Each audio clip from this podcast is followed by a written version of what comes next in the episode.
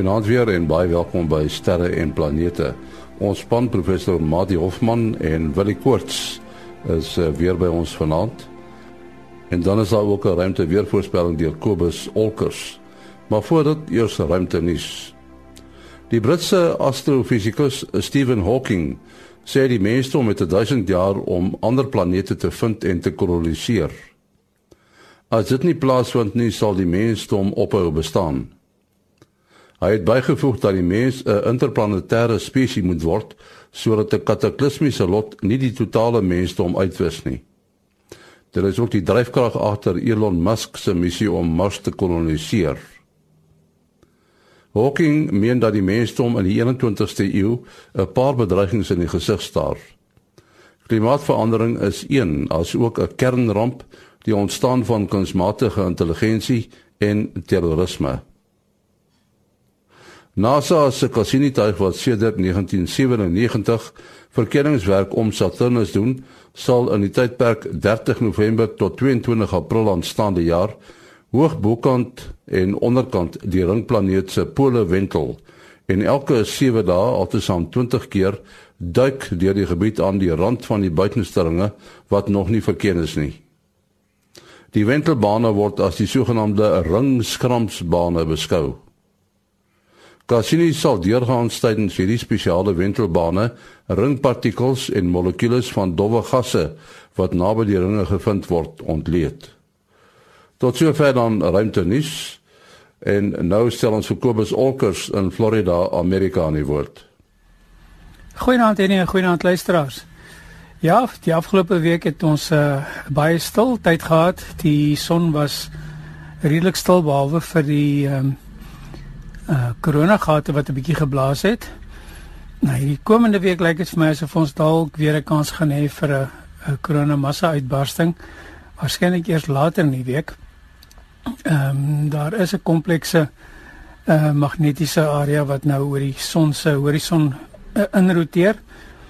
Ehm um, dit sal waarskynlik nog 'n goeie paar dae wees voor hy geo-effektief is. Ehm um, maar as hy hoegenaamd en hoegenaamd enige uitbarsings maak dan kan die ekstrale wel die ionosfeer 'n bietjie uh, destabiliseer met alles wat daarmee saamgaan die ehm um, swak uh, eh, GPS ontvangs en internet en selfone en die soort van ding. Verder sit ons met ehm uh, lyk vir my twee baie onstabiele uh filamente die ouetjies lyk asof hulle dalk kan loskom. En natuurlik as hulle sou kon loskom nou saam met die saam met 'n uh, korona massa uitbarsting se ekstrale, 'n ekstraal fakkel dan dan kan dit dinge vir ons uh, elektronika gebruikers 'n bietjie de mekaar maak. Maar nou ja, ek sou sê die kans daarvoor is is nie vreeslik hoog nie. Dit is uh, ek glo nie dis meer as so 45% nie. En dan die laaste is 'n paar uh, koronagate wat uh, sigbaar is, 'n paar redelike groot is die boonste en die noordelike een is besig om af te roteer van die son af, maar ek dink ons gaan van die onderste een af nog 'n bietjie pret kry. Gelukkig is hy noordwaarts georiënteerd en hy gaan dus die aarde se magnetveld 'n bietjie versterk. Ehm uh, wat daar 'n bietjie van 'n troos is. Baie dankie Kobus Olkers. Ons sê weer goeie aand aan ons span. Dit is uh, professor Mati Hofman van die Universiteit van die Vrystaat, die Boydensterrewag en die Digitale Planetarium. En op sy pos daar in die Kaap is Willie Koorts van die Suid-Afrikaanse Astronomiese Observatorium. Nou, uh, Mati, ons het uh, al gehoor, jy weet, van ouens wat Mars toe wil gaan. Een van die groot uitdagings en die probleme daar is die uh, die groot mate van bestraling, nê. Uh, dit is seker vanweë die afwesigheid van atmosfeer of is daar ander dinge wat ook 'n rol speel? Uh ja, Mars het sy atmosfeer uh, as gevolg van die sonwind oor die afgelope paar honderd miljoen jaar verloor. Uh, wel die aarde is ook onder onderworpe aan daai sonwind, maar die aarde het 'n groter gravitasiekrag as Mars en die atmosfeer bied inderdaad beskerming. Ons sou waarskynlik nie op die aarde kon oorleef het as dit nie vir die atmosfeer was nie, behalwe nou van die suurstof wat ons nodig het beskerm die atmosfeer ons ook van hoë energiestraling uit die ruimte uit soos X-strale en dan ook gamma-strale waar die sonwind self wat baie hoë energie deeltjies bevat, maar die atmosfeer is nie die enigste belangrike faktor nie. Die magneetveld wat die aarde het is ook 'n baie belangrike beskermings uh, meganisme en Mars uh beskik nie oor daai beskermingsmeganisme nie.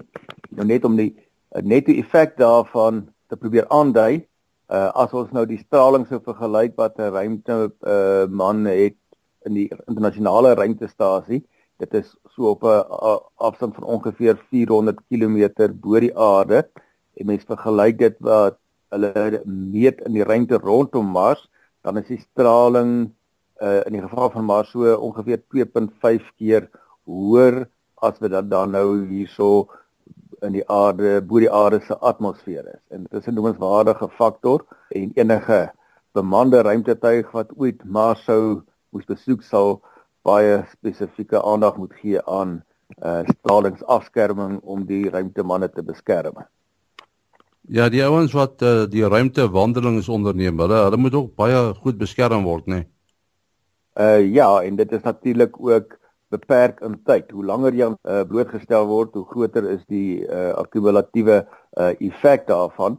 En uh, dit is gewoonlik wat hulle dan nou gaan kyk hoeveel blootstelling aan straling per jaar uh, toelaatbaar is.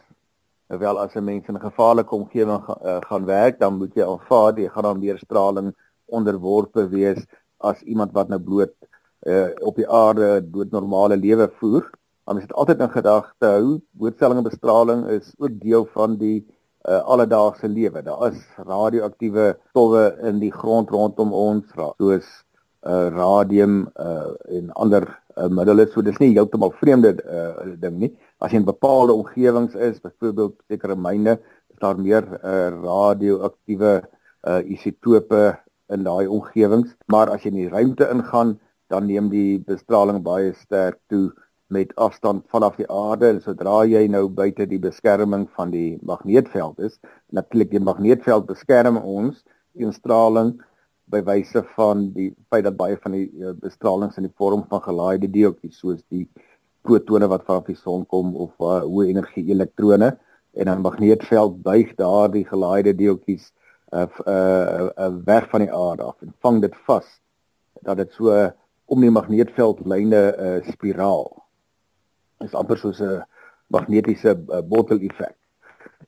Ja, want ek het gewonder die ouens daar in die ruimtestasie, hulle moet op 'n manier afgeskerm word. Dis nou die ouens wat binne in die ruimtestasie werk.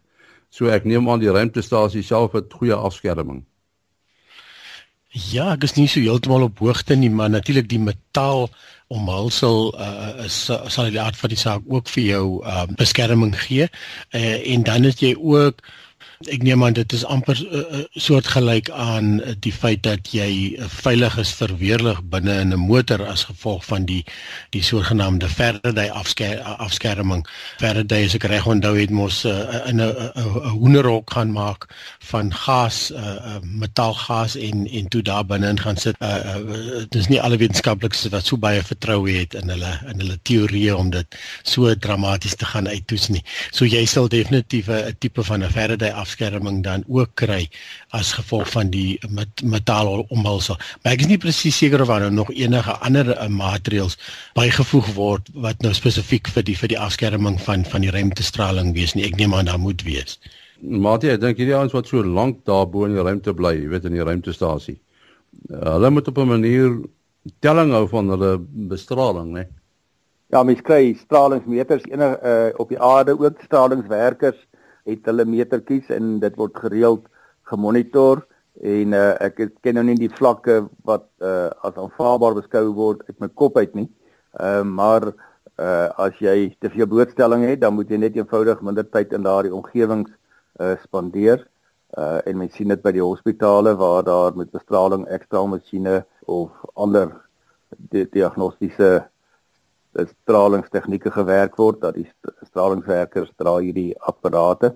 Natuurlik by kernreaktore is dit 'n groot faktor.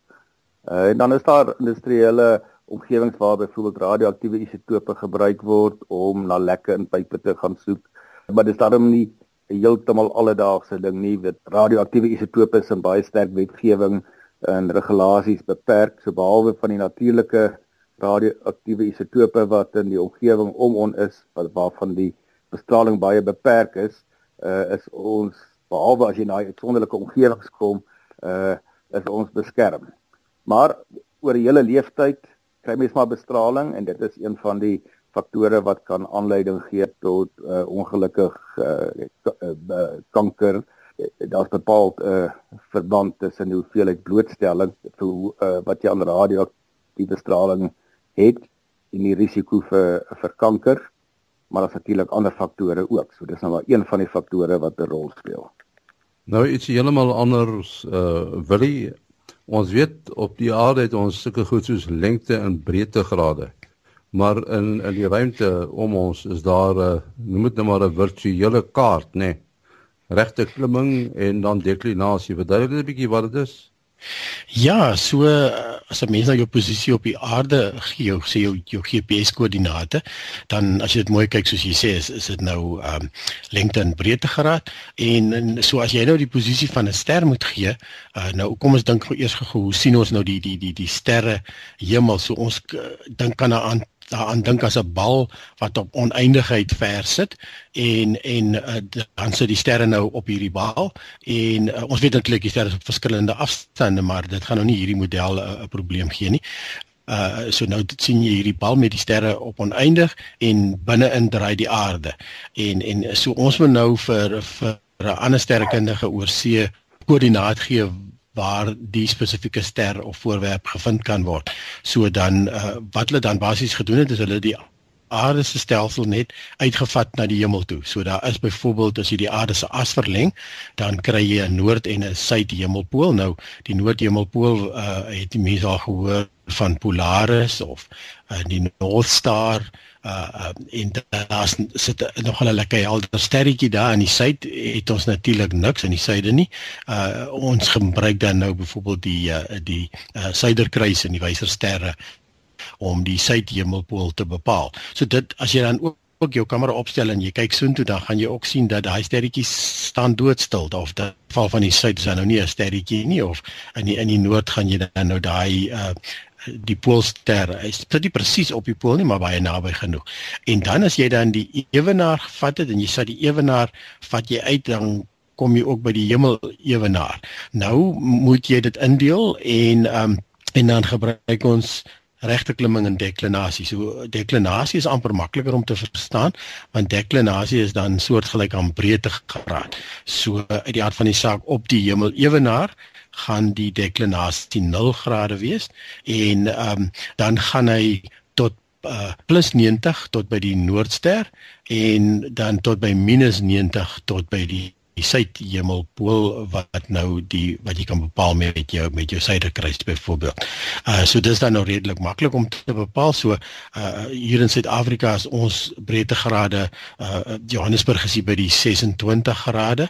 So as jy dan reguit opkyk dan kyk jy eintlik na sterre op 'n deklinasie van -26.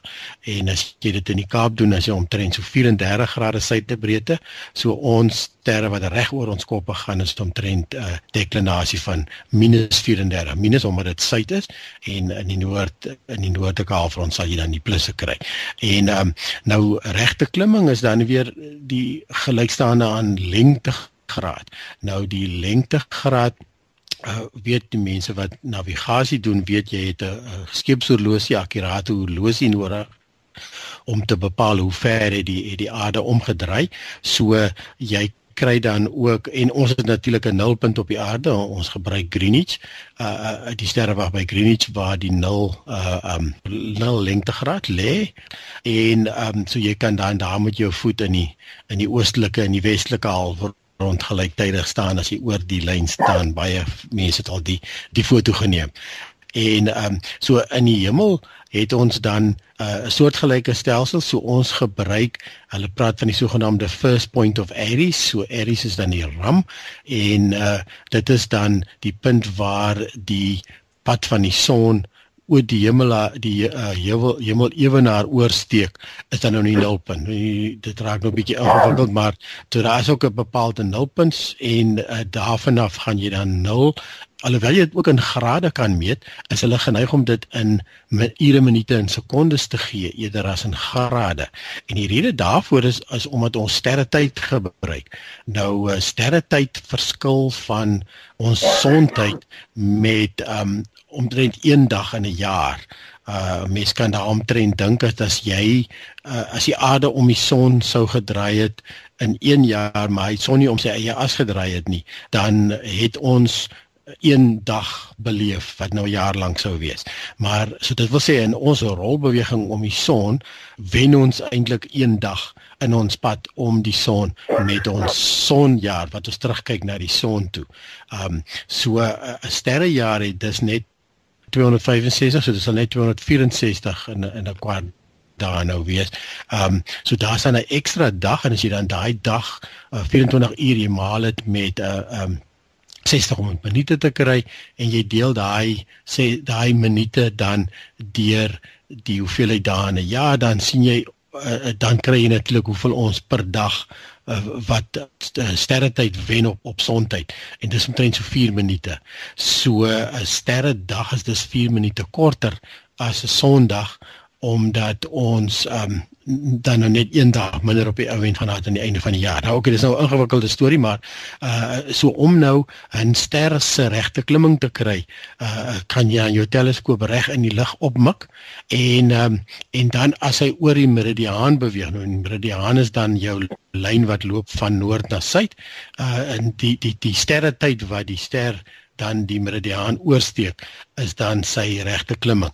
En dit is ook hoekom dit dan nou tipies in in 'n tydmodus gegee word eerder as in 'n as 'n ure in in 'n minute. So jou jou eerste sterrewag en die byvoorbeeld in die sterrewag hier in die Kaap waar ons werk, waar ek werk, uh, is die eerste teleskope wat hier was, kon net noord-suid beweeg, kon glad nie oos-wes beweeg nie. So die gebou het ook net 'n spleet in sy dak gehad wat van van noord na suid geloop het en die teleskoop het net al op al hierdie op hierdie uh, noord-suidlyn op die spleet langs gehardloop.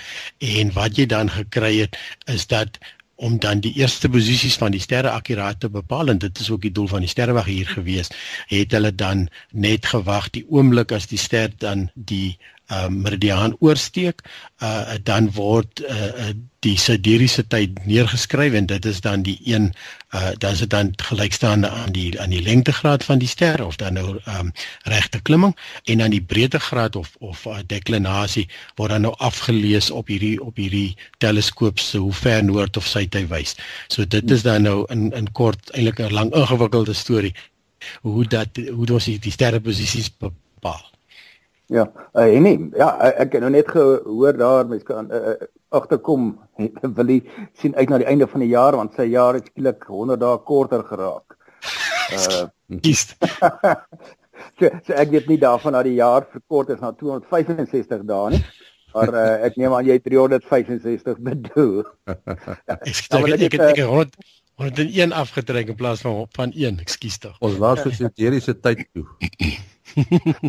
ja, net 'n interessante uh, aanvulling daarso. Uh, wil ek nou verwys na die breedtegrade van Kaapstad en uh, Johannesburg. Hier in Bloemfontein is die breedtegraad 29 grade suid en dit maak dan dat die middel van ons Melkweg sterrestelsel uh, presies oor Bloemfontein vroeg aand in die middel van die winter beweeg want die deklinasie van die galaktiese middelpunt is by baie naby aan 29 grade suid.